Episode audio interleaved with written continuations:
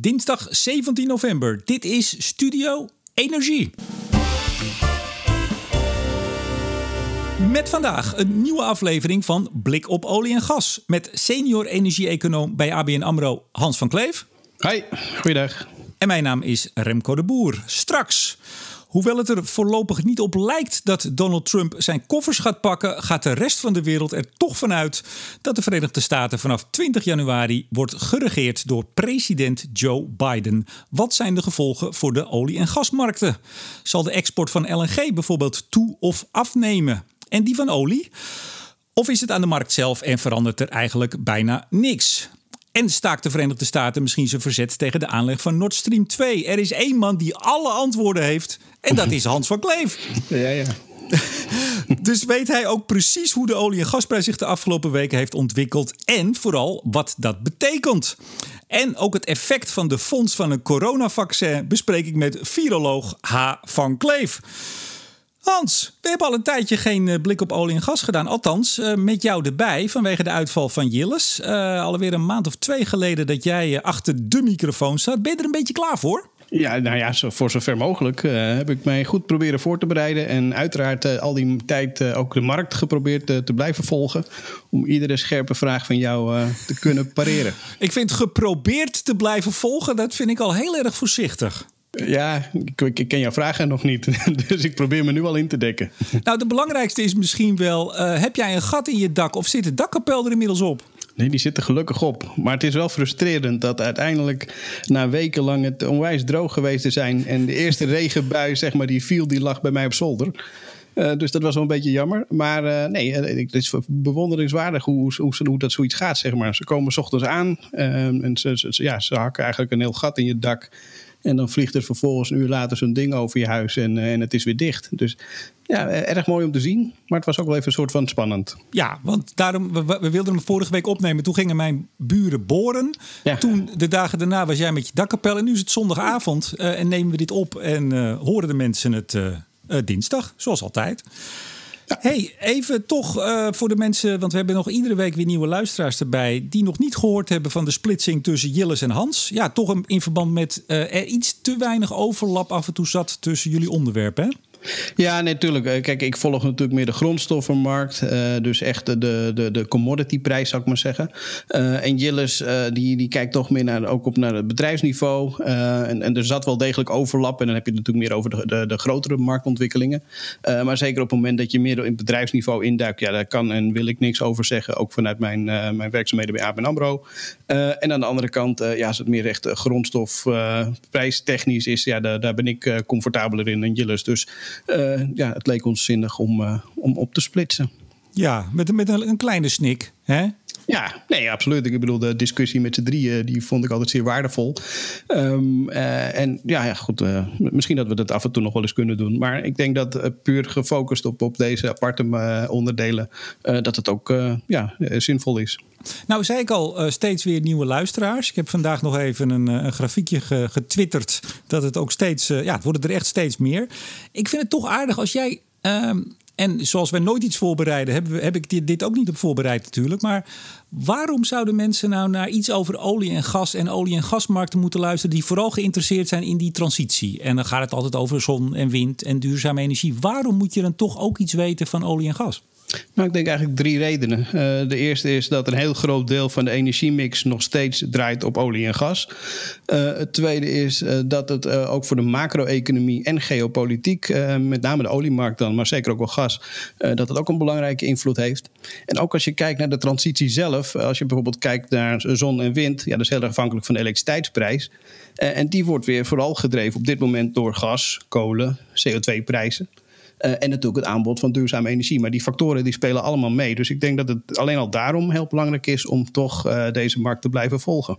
Ja, luisteraars geloven natuurlijk nu nooit dat we dit niet hebben voorbereid. Want jij komt meteen met, nou, er zijn drie punten en die noem je dan ook meteen. Jij hebt je echt voorbereid, Hans. Nee, maar dit wist ik toevallig. Daar heb ik geen voorbereiding voor nodig. Hey, nog, nog even eh, tot slot, tot, voordat we natuurlijk naar de, de echte inhoud gaan, zou ik bijna zeggen. Uh, vorige week, misschien heb je de uitzending gehoord met Suzanne van Zuilenkom ja. over uh, van het gas gaan. Die, die hief op mijn verzoek aan het eind van de aflevering een prachtig lied aan. Welk chanson ga jij aan het eind ten gehore brengen? Nou, ik heb me voorgenomen, hoewel ik dat van Suzanne echt super mooi vond. Maar ik, ik, ik wil de luisteraars dat niet aandoen om een, een valse kraai met een licht Amsterdamse accent te horen te brengen. Dus nee, daar, daar ga ik me niet aan wagen. Zou Betsy misschien een liedje kunnen zingen? Betsy, nee, die, die, die straalt hier uit het raam. Die gaat bijna bloeien. Maar even voor de luisteraars, dat is mijn lidcactus die ik bij, of tenminste die mijn ouders bij mijn geboorte hebben gekregen. En die staat nog steeds hier op mijn bureau. Uh, maar cactussen zingen niet. En dat weet jij ook. Oké, nou, dat, dat, ik wist dat niet. Maar goed, en een lidcactus. Ik heb nog nooit van een lidcactus gehoord. Nee. Maar dat is weer een heel ander verhaal. Oké, okay, daar doen we een andere podcast over. Ja, hey, voordat we het over uh, meneer Biden gaan hebben. En uh, ja, dat, uh, dat zou wel eens iets kunnen gaan betekenen voor de olie- en gasmarkt. En nog veel meer, uiteraard, in de wereld. Geopolitiek, je noemde het net al. Hè? Ja. Even een kort rondje langs de olievelden. Uh, oftewel, hoe heeft de olieprijs het de afgelopen weken gedaan? Nou, we hebben echt enorme bewegingen gezien. Um, als je kijkt tot een periode van, nou, laten we zeggen half oktober, 20 oktober om en erbij, uh, zat de olieprijs, en dan heb ik het over Brentolie in de VS en WTI in, in Europa, eigenlijk relatief smalle bandbreedte. Uh, vervolgens hebben we een enorme daling gezien. Uh, met als dieptepunt eigenlijk eind oktober. Hè, waarbij Brent uh, 36 dollar aantikte en WTI zelfs onder de 34 kwam. was het, vijf, het laagste punt in vijf maanden. En dat kwam eigenlijk als gevolg van het, drie factoren. Natuurlijk de nieuwe lockdowns in Europa. Dat zorgde voor druk op de vraag. We zagen dat Amerikaanse voorraden wat stegen. En dat ondanks de, de stormen in de Golf van Mexico. En een hele belangrijke factor die eigenlijk heel weinig aandacht krijgt is Libië. En Libië is een OPEC-producent, maar doet niet mee aan het OPEC-akkoord. En die produceerde nauwelijks olie tot voor kort, uh, zo'n 80.000 vaten. En die hebben ineens de productie weer op kunnen voeren. En nog belangrijker, ook de export op kunnen voeren tot ruim 1,1 miljoen vaten per dag. En ja, dat geeft nog wel extra druk op die olieprijs. Um, dus dat was zeg maar die druk. En vanaf begin deze maand, um, ja, toen kwam eigenlijk OPEC met een signaal dat ze het akkoord, daar zullen we vast zo meteen nog over spreken, uh, dat ze dat uh, misschien het huidige akkoord wat langer willen uh, aanhouden. We hebben Biden gezien die de verkiezingen gewonnen heeft, wat bijna iedereen weet, behalve Trump. en natuurlijk inderdaad het vaccinnieuws. En dat zorgde voor heel wat optimisme, waardoor we per saldo weer terug zijn op het prijsniveau van waar ik mijn verhaaltje begon half oktober. Je noemde het al twee keer, het OPEC-akkoord inderdaad even voor de nieuwe luisteraars en misschien ook de, de regelmatige luisteraars die denken: oh ja, heb ik wel eens over, wat over gehoord. Maar hoe staat het daarmee? Wat was ook weer de afspraak? Uh, oorspronkelijk, uh, is die al verlengd? Zijn er al vaten af of bijgekomen? En hoe staat het daarmee? Nou, het, OPEC-productieverlagingsakkoord, even kort gezegd, is uh, zeg maar het akkoord wat ehm, Rusland en Saudi-Arabië hebben ehm, ja, gesmeed, zou ik maar zeggen. En met, met andere OPEC-leden en niet-OPEC-leden samen zijn, ja, tot, stand hebben gebracht. waarbij ze hebben gezegd van we halen een, een x-bedrag of een x aantal vaten productie van de markt. Om te zorgen dat die vraag-aanbodverhouding zeg maar, in, uh, beter in balans is. En waardoor de olieprijs dus wat heeft kunnen stijgen. In april hebben we immers gezien dat die prijs van Brent zo'n 20 dollar raakte. WTI zat zelfs op een gegeven moment ver negatief. maar goed, dat is een heel ander verhaal. Um, en uiteindelijk door dat akkoord is dus die olieprijs weer wat, wat opgekropen. En schommelen we nu al een enkele tijd zeg maar, tussen de 40 45 dollar. Um, het akkoord was dat er tot um, eind uh, van dit jaar een uh, productieverlaging zou zijn van 7,7 miljoen vaten per dag. En in datzelfde akkoord is afgesproken dat dat per januari Um, ja, dan moet ik zeggen, verhoogd of minder verlaagd. Uh, eigenlijk is het beide. Dus de productie wordt verhoogd, waardoor het per saldo minder verlaagd is naar 5,8 miljoen. En dus dat, dat zou per januari gelden. En, en wat, hebben ze nou half, wat hebben ze nou begin november dan? Uh, nou, toen begon uh, Saudi-Arabië dus met signalen te komen van, nou, misschien moeten we die, die extra productie van bijna 2 miljoen vaten uh, langer uitstellen. Zodat, ja, omdat die vraag natuurlijk nu extra onder druk is gekomen vanwege de nieuwe lockdowns en dat het, het ja, midden in die tweede golf zitten nu. en ja, 2 miljoen extra vaten bovenop die miljoen die de Libië zeg maar op de markt heeft gegooid, ja, die, die kunnen we eigenlijk nu niet kwijt. Dus gaan ze het wat rustiger aan doen? Dus gaan ze wat signalen de markt inslingeren en kijken we tot 30 november, want dan is de OPEC-vergadering. En 1 december is de OPEC-vergadering waar Rusland ook bij zit. Uh, en daar gaan de echte knopen doorgehakt worden. En tot die tijd uh, zullen er wat signalen de markt ingegooid worden, zullen de ontwikkelingen goed gevolgd worden. Uh, en en ja, wordt er gekeken of die productie dus wel of niet ehm, aangepast gaat worden. Ja, nou doe jij altijd een prognose hè, voor de rest van het jaar. Waar staat die nu? de prijs bedoel je? Zeker. Oké, uh, mijn prognose voor het eind van het jaar uh, die staat op 45 dollar. Nu lijkt dat niet zo spannend, maar die staat al op dat niveau vanaf maart, geloof ik. Dus ik heb er weinig aan aangepast. Het grappige is, ik zat er toevallig anderhalve week terug aan te denken van... nou, misschien zeker voor volgend jaar ben ik wat enthousiast met mijn prijsverhoging. Dan denk ik, staat, staat er op dit moment een prijsvoorspelling van 45 tot 50 dollar. Ehm, en nou, ja, toen kwam dat hele vaccinnieuws natuurlijk de wereld in, waardoor dat weer een stuk actueler is. En ik eigenlijk zoiets heb van, nou ja, misschien was het achteraf toch helemaal niet zo slecht. Dus voorlopig was hem uh, de visie niet aan. Heb je nou ook altijd veel weddenschappen uitstaan over uh, dat soort dingen? Nou, de laatste tijd niet zoveel meer. maar ik zie nu toch ook niet zoveel mensen. Dus- Flesjes wijn en zo. Ja, nou ja, toevallig uh, laatst eentje. Iemand die zei van, nou die olieprijs die gaat nooit meer boven de 60 of 70. En nou, dan heb ik gezegd van, ik, ik zie hem binnen drie jaar nog wel boven de 100. Oh, en uh, nou, dat is toch dan wel meer dan een flesje wijn, neem ik aan, als je die wint. Nee, het moet wel, het, is, het, het moet een grapje blijven. Okay. Anders kun je werk ervan maken. Waar zullen we het eerst over hebben? Over Joe Biden, zijn winst of het vaccin? Um, nou, laten we eerst maar Joe Biden doen. Dan houden we het in de chronologische volgorde. Ja, dan is er altijd meteen de, vraag bij dit soort uh, grootse ontwikkelingen: hoe reageerden de markten? Maar in dit geval was het natuurlijk niet echt één moment hè, waarop de markt opende en het bekend was. Het was een soort uh, ja, in vertraging. Hoe, hoe gaat zoiets op de, op de olie- en gasmarkten? Nou, klopt. En eerlijk gezegd, de olie- en gasmarkten zelf reageerden niet heel erg. Uh, die, die volgen daarin best wel de beursontwikkelingen. En ja, daar zagen we uiteindelijk wel wat optimisme. en dat komt eigenlijk vanwege het feit dat ja, die winst steeds meer naar Biden leek te gaan en uiteindelijk is gegaan. Uh, even alle rechtszaken uh, nog even onder voorbouw natuurlijk. Die maar... in sneltreinvaart verloren of volgens mij af en toe niet eens uh, de rechtszaak halen of de rechtszaal halen. Tuurlijk. Dus, uh, dat, maar goed, uitgaande dat het beide wordt, en dat, dat doet de financiële markt natuurlijk ook, zagen we dat ja, die beurs toch wat optimisme kent. en daarmee ook de. En dat was eigenlijk vooral vanwege die economische stimuluspakket die Biden heeft aangekondigd. waardoor uh, ja, uh, zeg maar, de, de, dat, ja, dat geld moet ergens heen. Dat, dat zorgt voor economische groei, dat zorgt voor banen, dat zorgt voor meer uh, vraag naar olie en gas. dus dat, dat, dat zie je eigenlijk doorvertaald worden in, in altijd soort prijzen. Nou probeerde Trump volgens mij afgelopen week nog of dit weekend om nog wat olieboorvergunning in Alaska af te geven in een natuurgebied. Ja, nou ja, goed, dat is natuurlijk wel iets. ja, het, is, het, is, het is te soort voor woorden. Ja, we lachen erom, maar. Ja, nou ja, het is eigenlijk best wel, wel triest. Mm. Um, en, en kijk, een van de voornemens die Biden heeft uh, gemaakt, of die in zijn programma staan, is dat hij geen vergunningen meer wil afgeven voor productie op federaal land. Uh, en dat is zowel onshore als offshore. Uh, dus eigenlijk al het land wat, wat beheerd of ja, in eigendom is van, van de overheid, daar heeft Trump wel vergunningen op afgegeven. Dat wil Biden eigenlijk niet meer. En wil je ze ook terugdraaien of niet? Nou, dat is denk ik wat lastiger. Op het moment dat het eenmaal afgegeven is, dan, uh, dan wordt het wat lastiger. Maar goed, ik ben uh, uh, geen, geen advocaat of andere juridische persoon. Nou, dus... je bent ook viroloog, kom op. Je, dat ben ik ook dat niet. kan je best. Nee joh, ik ben eigenlijk ben niet zoveel hoor. maar um, eh, nou ben ik wel een verhaal kwijt. Over op federaal grondgebied uh, oh, wel ja, of niet boren. Nee, precies. Uh, dus kijk, en, en, en Biden kan natuurlijk heel makkelijk zeggen van ik geef geen vergunningen daar meer op af. Uh, hij is zelf, heeft hij de, de schalieproductie destijds onder Obama goedgekeurd. dus daar, hij zal ook niet 1, 2, 3 zeggen we stoppen met de hele schalieproductie in de VS. Uh, wat hij wel kan doen, is natuurlijk de regelgeving uh, aanscherpen. En dan denk ik bijvoorbeeld aan milieu, milieumaatregelen. Uh, dus denk aan afvalwater of methaanlekken, zeg maar. waarbij die strenger worden, waardoor de eigen per saldo het productieproces duurder wordt. Um, nou, dat is eigenlijk denk ik de belangrijkste wat, wat hij op, de, op korte ja. termijn kan doen. en daarmee ja, druk je als het ware ook de, de prijs van, in dit geval schalieolie of schaliegas, omhoog. Uh, nou, voor schalieolie is dat al lastig, want bij de huidige prijs is het al moeilijk concurreren. En als gasprijs flink omhoog gaat, ja, dan wordt het ook lastig om te concurreren met de prijzen van LNG in Azië.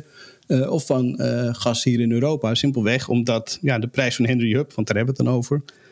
Ja, dat, dat is de prijs ter plekke. Maar dan moet het dus nog uh, geliek weer, hoe zeg je dat, vloeibaar, vloeibaar gemaakt, gemaakt worden. worden. Ja, het Engels ook. vervolgens getransporteerd naar Europa, dan wel Azië. En daarna weer teruggebracht in de gasvorm. Dus dat, dat, dat is dusdanig kostverhogend dat als die gasprijs in de VS te veel oploopt, ja, dan is die, zeg maar, de, de concurrentiepositie daarmee ook kwijt.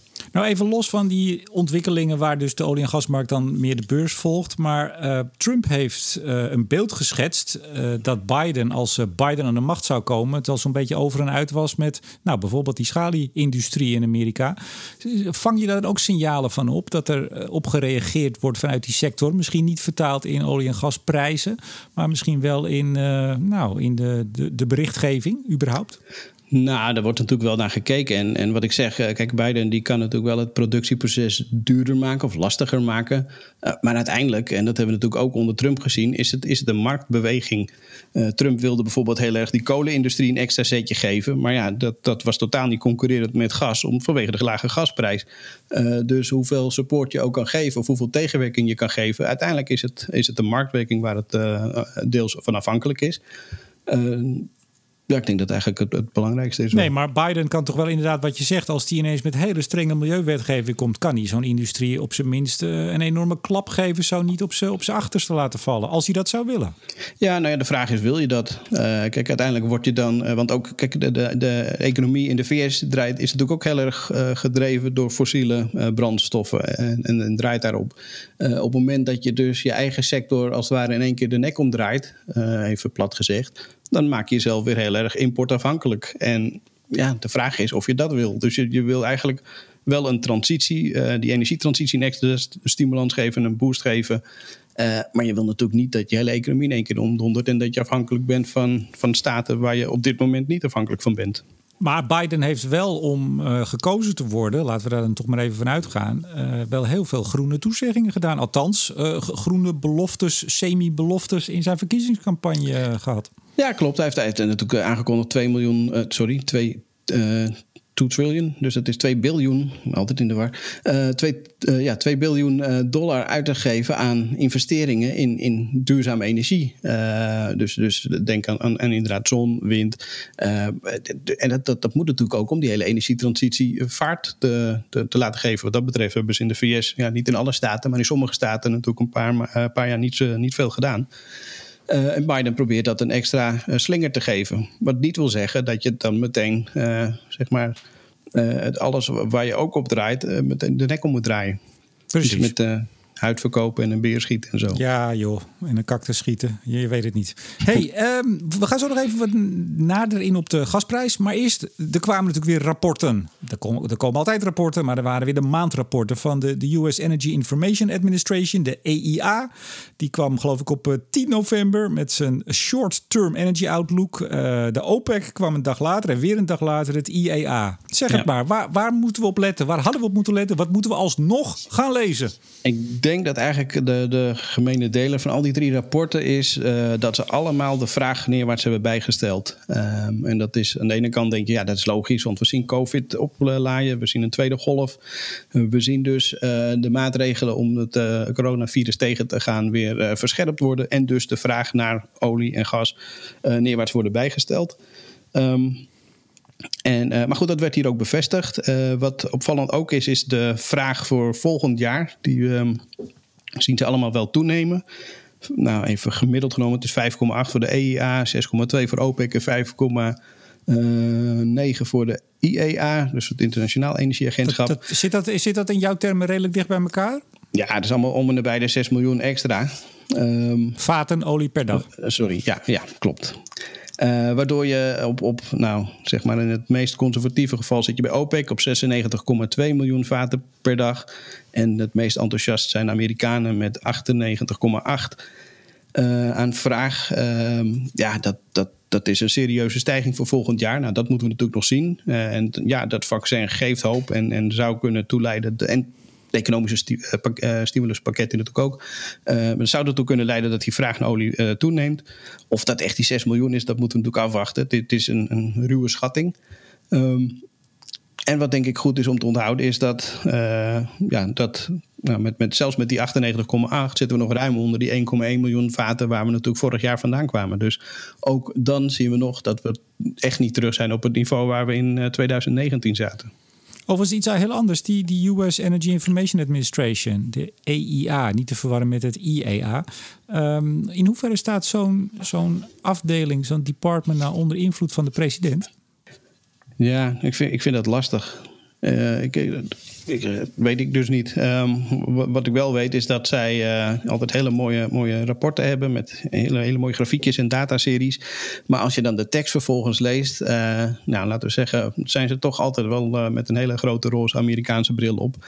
Um, dus je moet altijd wel dat in ieder geval in gedachten houden als je die rapporten van hen, van hen leest de World Energy Outlook van het IEA, dus niet het EEA, maar het IEA, uh, daar heb ik het al even met uh, Jillis onlangs over gehad. Maar volgens mij ben jij nog wel een leuk tabelletje tegengekomen of een grafiekje. Ja, ik zat het nog eens door te blazen. Dat ding het is uh, eh, 465 bladzijden, dus dat, dat lees je niet op een zondagmiddag. Um, dus ik, ik, ik, doe af en toe een stukje en ik was inmiddels aangekomen op bladzijde 259, figuur 7.3 voor de liefhebber. Um, en uh, dat is de, de mondiale uh, olievraag per scenario. En de afnames uh, van, van het aanbod, zeg maar, ten opzichte van 2019. Ik zal het plaatje ook zo dadelijk even op Twitter zetten.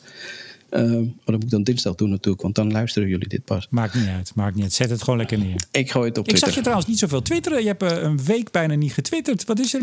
Was je ziek? Nee, ik, ik dakkapel. Oh, dan kan, dan kan je gewoon niet. Bedoel, je hebt zes dagen niet getwitterd. Dat is heel, heel lang, Hans. Ik, was ik, kan, ik maakte een beetje zorgen. Ik, ik, ben een man, ik kan één ding tegelijk. nou, kijk, kijk maar naar figuur 7.3.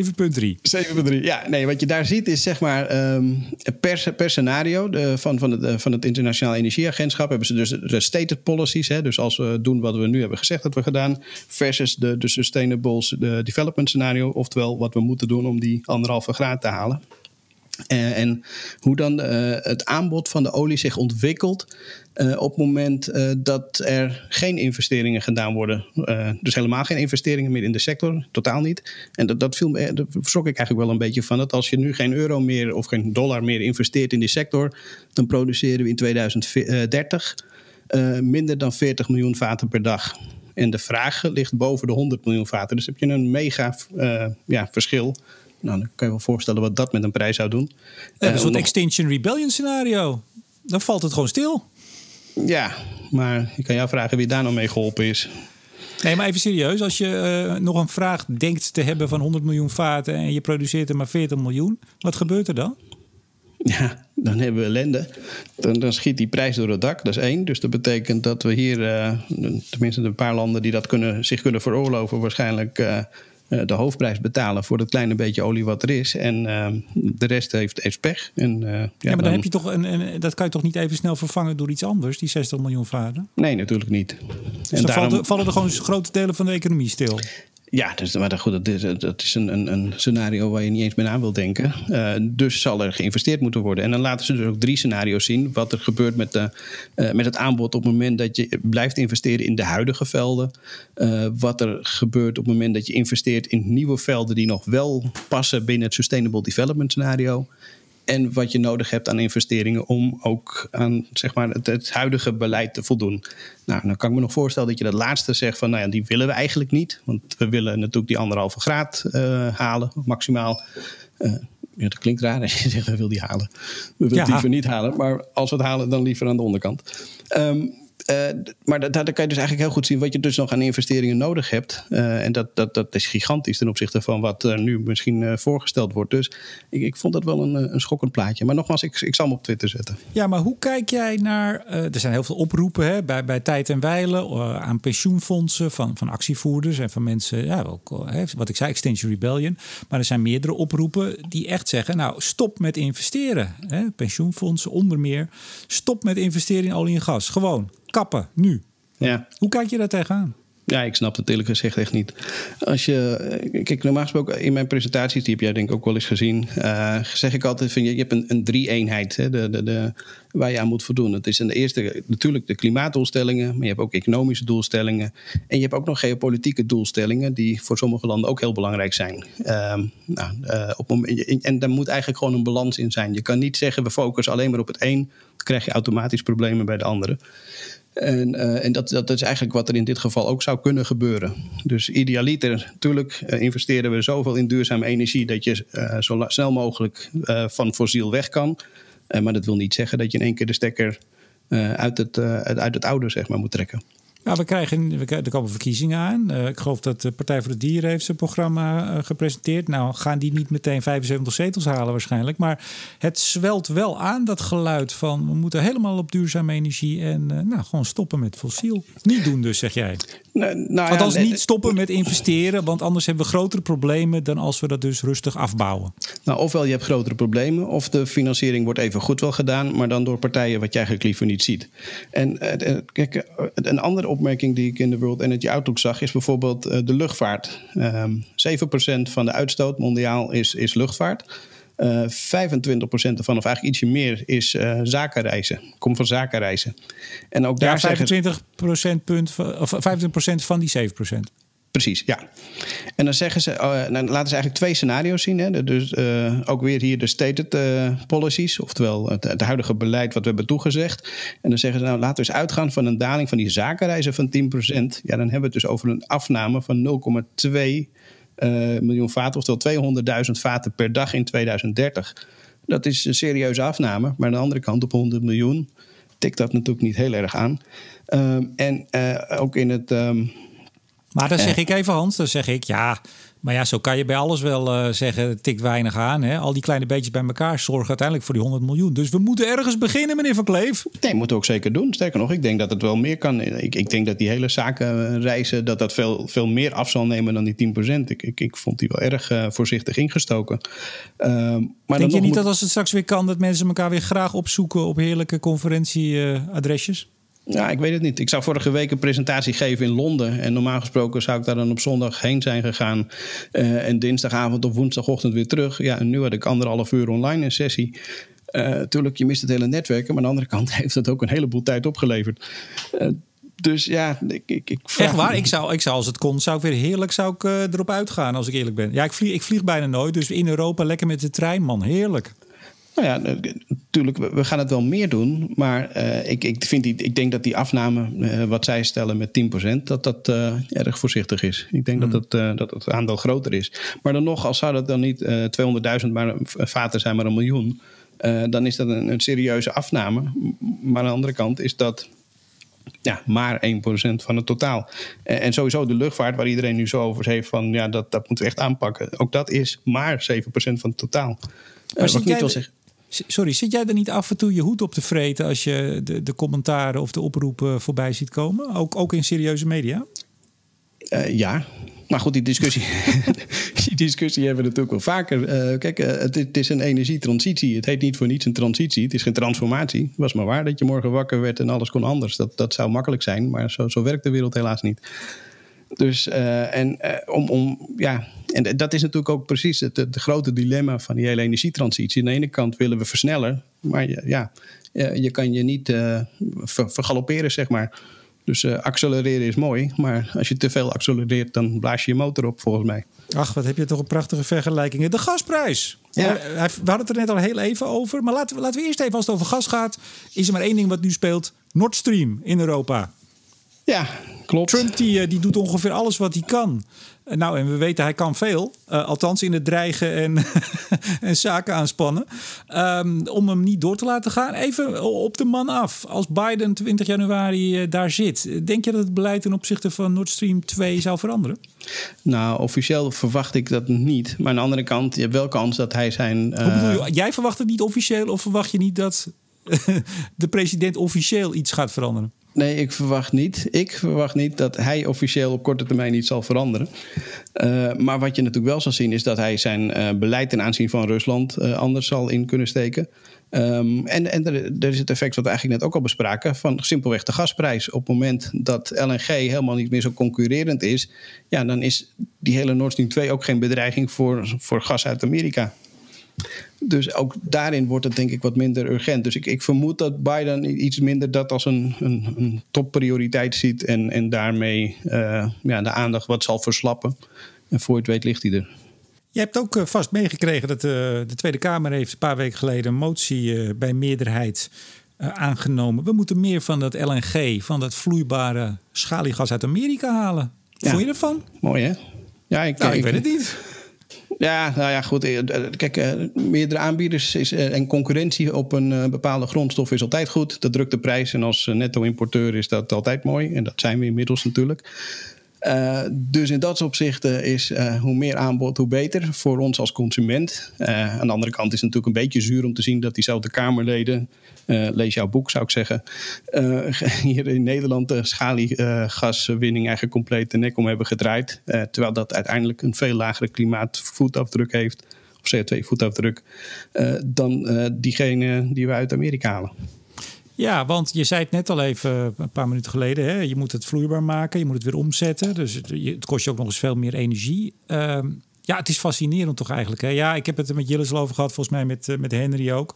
Het, het is voor mij wel zo'n dingetje waar ik een beetje op blijf hangen, zoals dat heet. En dan zeg ik het netjes, Hans. Ja, nee, klopt. Maar God, het is lastig als je uh, politiek op hele korte termijn je punt wil maken en, en het wil roepen wat het beste uh, oplossing is. En, en ja, dan kom je op een gegeven moment, ja, moment raak je de, de, de werkelijkheid aan, de realiteit. En, en die is toch anders. En uh, ja, dan, dan blijken er ook andere kanten aan die medaille te zitten. COVID-19-vaccin. Nou, dat kwam ook al een paar keer voorbij fietsen. Moeten we het daar nog even apart over hebben? Want het is natuurlijk wel heel spannend. Hè? Het, kan, het kan dus alles veranderen. En ook in jouw wereld dus. Ja en nee. Uh, ja, het zal alles veranderen. Uh, hoewel we dan eigenlijk gewoon weer terug zijn waar we begin dit jaar waren. Dus zo anders is het ook weer niet. Uh, maar... het ik begrijp van Partij voor de Dieren, het nieuwe of het oude abnormaal zijn we dan weer. Ja, ja, Vond ik wel mooi gevonden, Hans. Ja, nee, dat is zeker waar. Het oude abnormaal. Ja, als je daar tegen bent hoe het was, dan vond je dat abnormaal, ja. Ja, ja dat is wel een mooie, mooie slogan. Dus, maar goed. Maar, en, en eerlijk gezegd denk ik dat we dan, dan nog helemaal niet zijn. Want uh, ook, ook bij mij op de afdeling hebben mensen onderzoek gedaan naar van ja, hoe, hoe, werkt dat dan door in de economie? Nou, uh, dat, ik zou zeggen, kijk, kijk daarvoor bij ons op de site. Maar uh, wat wel interessant is, is natuurlijk om gewoon te realiseren dat als er eenmaal zo'n vaccin is, begin 2021, voordat dat dan um, een keer uh, ja, voordat iedereen gevaccineerd is, die het überhaupt wil, want 30, 40 procent wil het niet eens. Ja, kost een jaar, hè, zei het RIVM van de week. Ja, en als je dan hoort dat zo'n vaccin waarschijnlijk ongeveer een jaar werkt, dan kan je van vooraf aan beginnen. Uh, en, uh... Ja, maar ik, ik haal ieder jaar, sinds een aantal jaar, de, krijg ik de griepprik. Ja, daar sta ik ook ieder jaar in het rijtje. Nee, prima, dat is Zo ook heel goed. Is niet. Nee, nee, dat, dat, dat zeg ik ook niet. Maar het, het, voordat we dus echt goed en wel een beetje terug zijn op het, uh, het, het, het, oude abnormaal, zullen we dan maar zeggen. Wat volgens mij toch redelijk normaal was. Stem jij Partij voor de Dieren, Hans? Uh, nou, normaal zeg ik niet wat ik stem, maar uh, deze, nee, die, deze stem ik niet op. Ah. Maar, um, het gaat even duren, dat is eigenlijk wat je wil zeggen. Het gaat even duren. En, uh, en dat is dan nog in, in, in zeg maar, uh, uh, het, het, het Noordwest-Europa-deel, zeg maar, of Amerika. En zeg maar, de, de, ja, hoe zeg je dat? De, de, de ontwikkelde, ontwikkelde, landen. landen. Het, ja. maar de verwachting is dat in de opkomende landen het wel eens tot 2026, 2027 kan duren. voordat die weer op het niveau zitten waar ze zaten. Dus, en dat gaan we natuurlijk ook terugzien in de vraag naar grondstoffen, de vraag naar olie en gas. Uh, dus ook daar zien we toch wel dat die, die hele ontwikkeling of de verwachte vraag, zoals we die bijvoorbeeld in de World Energy Outlook hebben gezien, ja, dat dat niet voor alleen volgend jaar naar beneden is bijgesteld, maar echt voor een langere periode. Je weet, ik ben wel eens uh, licht sceptisch. Dat doe ik ook een beetje om jou te plagen over al die rapporten, al die scenario's, al die verwachtingen. Maar is het uh, serieus in deze tijd met zoveel onzekerheden toch niet echt koffiedik kijken. Het zijn prachtige rapporten, honderden pagina's en allemaal keurig uitgezocht. Maar wat is het nou waard? Nou ja, wat het waard is, dat is. Uh, kijk, uiteindelijk... ja, jij, jij hebt lekker wat te lezen op zondag, dat. Uh, ja, ook dat. maar goed, als dat het enige zou zijn, dan zou ik zeggen: stop er meteen mee. Want er is heel veel andere dingen wat ook leuk is voor de zondag. Um, nee, maar uiteindelijk uh, iedereen zoekt een handvat van, van ja, wat, betekent dit? En, uh, en dat is denk ik wat je terugziet in dit soort scenario's en ook waar wij bij, bij de bank mee werken, is van je, je gaat uit van bepaalde aannames en dan kijk je wat gebeurt er. En op basis daarvan krijg je een beetje gevoel uh, met wat er kan gebeuren. En, en daar bepaal je voor voorzieningen op. Je betaal, bepaalt daar uh, je positie op als je belegger bent. Uh, wat je betaal, bepaalt daarop wat je gaat doen als, als financieringspartij. dus ja, dit is eigenlijk het creëren of het, het soort vormen van een handvat van hoe ga ik om met ja, datgene wat je doet in de financiële markt in ons geval. Vooruitblik. Heb je nog wat leuks aan de horizon? Nou ja, het is, als je kijkt naar oliemarkt, is het eigenlijk vooral de OPEC. Uh, 30 november, 1 december uh, komen ze bij elkaar. Virtueel natuurlijk. Uh, niet, niet in Wenen deze keer. Zitten ze dan twee dagen achter het scherm? Ja, ik ben bang van wel. Echt waar? Dus, nou ja, er zal hier en daar misschien nog een, een bilaterair overlegje via Zoom of Teams zijn. maar ja, dan zit je ook achter je scherm. dus, dus ja, ik denk het eigenlijk wel. En, en natuurlijk, de ministers zelf zullen wel heel veel uh, laten voorkoken door, uh, door de, de, de, medewerkers, maar, maar toch. Maar wat zijn de verwachtingen? Of zijn daar, zijn er nou verwachtingen in het veld over wat zo'n vergadering gaat doen? Of is het echt ook koffiedik kijken? Nou, ik, ik denk toch wel dat ze sowieso zullen ze. Kijk, ze hebben de, die afspraak nu dat ze in januari die productie dan zouden verlagen naar een, uh, netto productieverlaging van 5,8 miljoen tot en met april 2022 nou ja, de tijd dat je dat één keer afspreekt en vervolgens een jaar laat rusten om eens te kijken waar we dan staan, ja, die is echt wel geweest. Dus ik denk dat ze echt actief elke maand gaan kijken van oké, vraag, aanbod, die, die balans afwegen en, en moeten aanpassen. Um, en dat zou mij niet verbazen als ze de huidige 7,7 miljoen uh, nog in ieder geval een maand of twee, drie door, uh, doorrollen. Oké, nou ik heb zelf in mijn vooruitblik een nieuw artikel in het FD aanstaande donderdag. Ah, Althans, weet je al waar die over gaat? Uh, ik denk dat ik het ga hebben over de, uh, over de boor van de buurman. politieke. Uh, hoe, hoe, had ik de afkorting ook alweer? Politieke beïnvloedingslobbyorganisatie, oftewel het PBL. Ah, oké, interessant. Ja, ja, ik weet niet of je dat gevolgd hebt, maar die hadden een, een rapportje, zou meneer Bontebal zeggen. Dat heet de KEF. En dat hebben ze op een wat, op wat bijzondere manier naar buiten gebracht. En daar ga ik waarschijnlijk mijn artikel aan wijden. Oftewel, je hebt gewoon eigenlijk je hele podcast met Henry uitgetikt. Of, of dat niet? Nee, moet ik nog doen. Moet ik nog doen. oh, okay. Ja, ik, ben, ik moet, uh, moet, aan de slag. En uh, ik heb uh, zondag op Twitter gezegd... Eh, sowieso heb ik even de, de luistercijfers gedeeld. En daar ja, zit nog steeds... goed. Ja, op naar de 30, hè? Ja, 30.000 30 luisteracties per maand, inderdaad. Ja, nee, het gaat als een tierenlier. We hebben bij, bij de COVID-lockdown, de eerste... zag je echt een, een flinke afname. Dat was een, echt een dip toen ik ook veel mensen sprak, zei ja, ik luisterde altijd in de auto en dat, uh, dat is er nu niet meer bij. Nou, dat ging alweer vrij snel goed. Tweede lockdown trouwens, zag je ook weer een dipje. Hè? Oh, dus eh, het heeft echt wel effect op mensen. En dat ze misschien toch ook even iets anders aan het hoofd hebben dan uh, naar uh, jouw zoetgevoiste stem luisteren, Hans. Um, maar dat heb ik even online gezet. En ik heb erbij gezet, we gaan het leuks doen voor de verkiezingen. En nou zit ik even te twijfelen of ik al wat zal vertellen. Ja. Misschien moet je het even zingen. ik dacht, misschien kun jij mij vragen: Goh, Remco. Wat ga je doen met de verkiezingen? Ja, nou ja, dat deed ik. Alleen je wil het blijkbaar niet zingen. Dus, maar nou, ik heb één keer voor de, ik heb één keer voor de gassector heb ik een lied gezongen. Althans, ik heb ze laten zingen en ik zong mee. Dat was geen was succes. erbij. Dat, uh, nee. nee, wat, wat ik van plan ben, maar ik, het is toch een beetje schaaf aan het idee. Kijk, je kan een aantal dingen doen bij verkiezingen. Je kan alle uh, partijen langs gaan. Uh, alle fracties of alle aankomend uh, Kamerleden. Hè, daar kennen we er ook een paar van. Die misschien wel energie en klimaat in hun portefeuille krijgen. Maar ja, dan hoor je toch gewoon, uh, vermoed ik, het programma. Wat bij de, alle partijen al uit hebben gebracht. In ieder geval de conceptversie. Dus dat, dat vond ik niet het meest interessante. Nou, ik heb natuurlijk twee jaar lang, ruim tweeënhalf jaar lang zelfs, heel veel belangenbehartigers aan het woord gehad. Nou, buitengewoon interessant. Blijf ik ook zeker doen. maar daar kun je ook wel een klein beetje van verwachten, misschien wat ze gaan zeggen. Het lijkt mij leuk om eens wat mensen die er helemaal buiten staan, maar die wel heel veel verstand hebben van het energiesysteem. En die misschien al jaren, uh, zoals jij ook soms, de haar uit het hoofd trekt over wat zij zien in de media en in de politiek. Om die nou eens aan het woord te laten. Dus een beetje buiten de gebaande paden, die ook wat vrijer kunnen roepen. Uh, wat ze willen. Uh, okay. En er dus ook heel scherp in kunnen zijn wat het aankomend kabinet nou absoluut wel moet doen en wat ze nou absoluut niet moeten doen. Dat klinkt goed. Maar namen noemen wil je nog niet zeker? Nee, want ik ben nog. Nee, ik ben het letterlijk. Uh, nou, van de week heb ik dat uh, bedacht. Uh, dus ik ben wel een beetje aan het nadenken wie zouden dat kunnen zijn. Want ze moeten niet alleen natuurlijk wat van het energiesysteem en, en van het hele energie. Ja, nou, systeem eigenlijk, dat is het woord, weten. Maar toch ook wel enige politieke sensitiviteit hebben. Want ja, je kan natuurlijk allerlei dingen gaan roepen van. Nou ja, we moeten inderdaad vijf kerncentrales bouwen. Ja, dat zie ik niet zo heel snel gebeuren. Dus het moet wel enigszins Um, snap je? Een beetje aansluiten bij uh, wat er op dit moment in Den Haag gebeurt. En dan mag het natuurlijk wel wat buiten liggen. Maar ik vind het vooral leuk om uh, daar een aantal mensen. Dus nou, ik denk dat we zo uh, eind november, misschien begin december beginnen. nou, misschien een, een, een acht, negen mensen of om en nabij. En dat we hebben een mooi beeld, een mooi pakketje, wat we dan na maart kunnen afgeven in Den Haag. Ja, klinkt goed. Ben benieuwd. Dus iedere mafkees die heel veel weet en het heel scherp durft te vertellen, misschien kom ik binnenkort wel bij u langs. Um, ja. En die voelt nou. zich aangesproken nadat je Marquees zegt.